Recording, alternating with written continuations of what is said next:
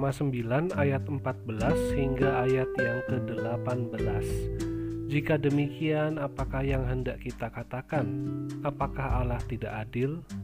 Mustahil, sebab ia berfirman kepada Musa, Aku akan menaruh belas kasihan kepada siapa aku mau menaruh belas kasihan, dan aku akan bermurah hati kepada siapa aku mau bermurah hati. Jadi, hal itu tidak tergantung pada kehendak orang atau usaha orang, tetapi kepada kemurahan hati Allah. Sebab kitab suci berkata kepada Firaun, "Itulah sebabnya aku membangkitkan engkau." yaitu supaya aku memperlihatkan kuasaku di dalam engkau dan supaya namaku dimasyurkan di seluruh bumi. Jadi ia menaruh belas kasihan kepada siapa yang dikehendakinya dan ia menegarkan hati siapa yang dikehendakinya. Pada bagian sebelumnya kita melihat bahwa Allah ia sendiri yang memilih umatnya dan ia menunjukkan bahwa ada yang tidak dipilihnya ada yang tidak mendapatkan anugerah itu.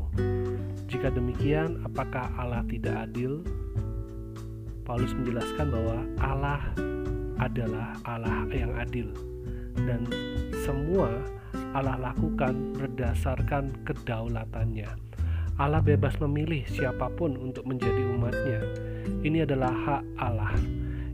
Ia adalah Allah yang memberikan anugerah kepada orang yang kepadanya ia mau memberikan anugerahnya.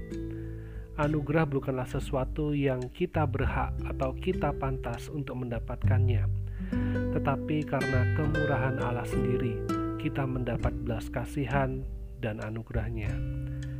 Kita adalah orang-orang yang beruntung, karena bukan karena apa yang ada pada kita yang membuat kita selamat.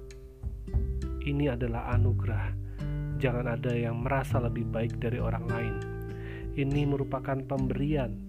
Jangan merasa sudah melakukan lebih baik dari orang lain. Jangan merasa lebih benar daripada orang lain. Jangan saling menghakimi.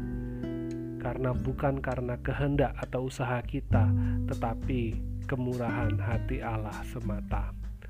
Paulus menjelaskan mengenai pilihan Allah dengan menunjukkan apa yang terjadi dengan Firaun penguasa Mesir. Firaun diberikan kekuatan, kekayaan, kekuasaan, dan hal-hal yang luar biasa. Bahkan Allah menunjukkan kuasa dan kemuliaannya pada Firaun. Tetapi Firaun tidak percaya. Firaun tetap berkeras hati karena memang Allah yang mengeraskan hatinya. Hati Firaun yang keras dan penuh kesombongan dibuat tetap keras walaupun sudah melihat dan merasakan tangan Allah yang berkuasa atas Mesir, menunjukkan bahwa Allah tidak memilih Firaun.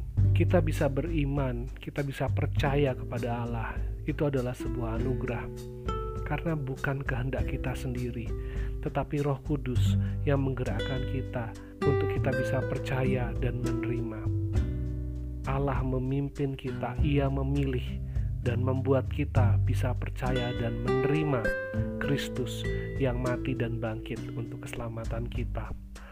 Oleh sebab itu, mari kita hidup di dalam anugerah Tuhan. Kita terus mengingat dan terus bersyukur akan anugerah Tuhan. Mari kita dengan rendah hati kita hidup di hadapan Tuhan dan kepada sesama. Mari kita juga dengan sukacita mengerjakan bagian kita dengan baik. Biarlah anugerah Allah itu hidup di dalam kehidupan kita. Dan anugerah Allah boleh nyata di dalam kehidupan kita sehari-hari di dalam kita berkeluarga di dalam pekerjaan yang kita jalani di dalam pelayanan kita biarlah anugerah itu boleh menjadi landasan untuk kita boleh menjalani segala sesuatu. Karena semua adalah karena anugerahnya. Segala kemuliaan bagi Allah Solidio Gloria Tuhan Yesus memberkati.